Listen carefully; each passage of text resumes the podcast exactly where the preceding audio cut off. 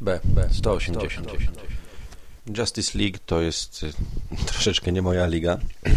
Generalnie rzecz biorąc, y, rzadko zajmuję się grupami superbohaterów i od czasu, jak przestałem czytać X-Men, to w ogóle mnie to nie interesuje. Natomiast pod Tower of Babel sięgnąłem z y, kilku powodów. Jednym z nich było to, że historia ta była reklamowana jako dosyć niecodzienna, o drugim będzie za chwilę. Tower of Babel to jest rzeczywiście trochę co innego niż zwykle. Mianowicie mówi nam o upadku bohaterów. Okazuje się bowiem, że organizacja skupiająca najpotężniejszych superbohaterów wszechświata, a przynajmniej naszego jego fragmentu, jest tak samo podatna na atak jak każda inna. Okazuje się, że wszyscy bohaterowie, którzy wchodzą w skład ligi, mają jakąś słabość, którą można wykorzystać i przy pomocy której można ich zniszczyć.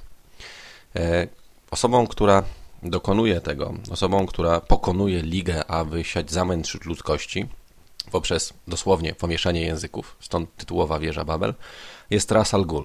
To jest najważniejszy powód, dla którego sięgnąłem po ten komiks. E, to, że akurat Ghul e, postanawia zniszczyć ludzkość, to nie jest nic nowego. To, że powala na kolana superbohaterów, to jest rzecz trochę niecodzienna.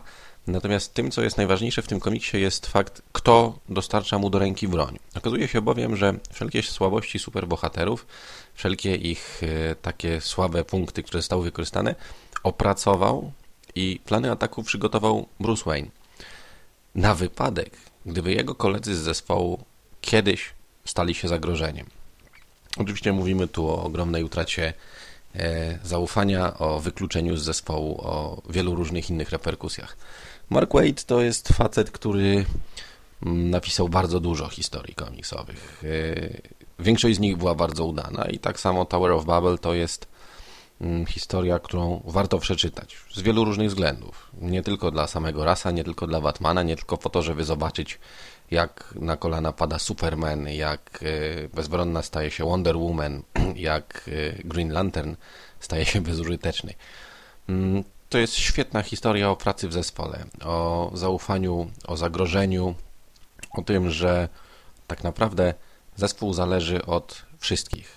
I co dzieje się, kiedy ktoś ma odrobinę za dużo paranoi i kiedy mm, poprzez swoje jakieś nieprzemyślane bądź być może nieskonsultowane działania naraża wszystkich na niebezpieczeństwo.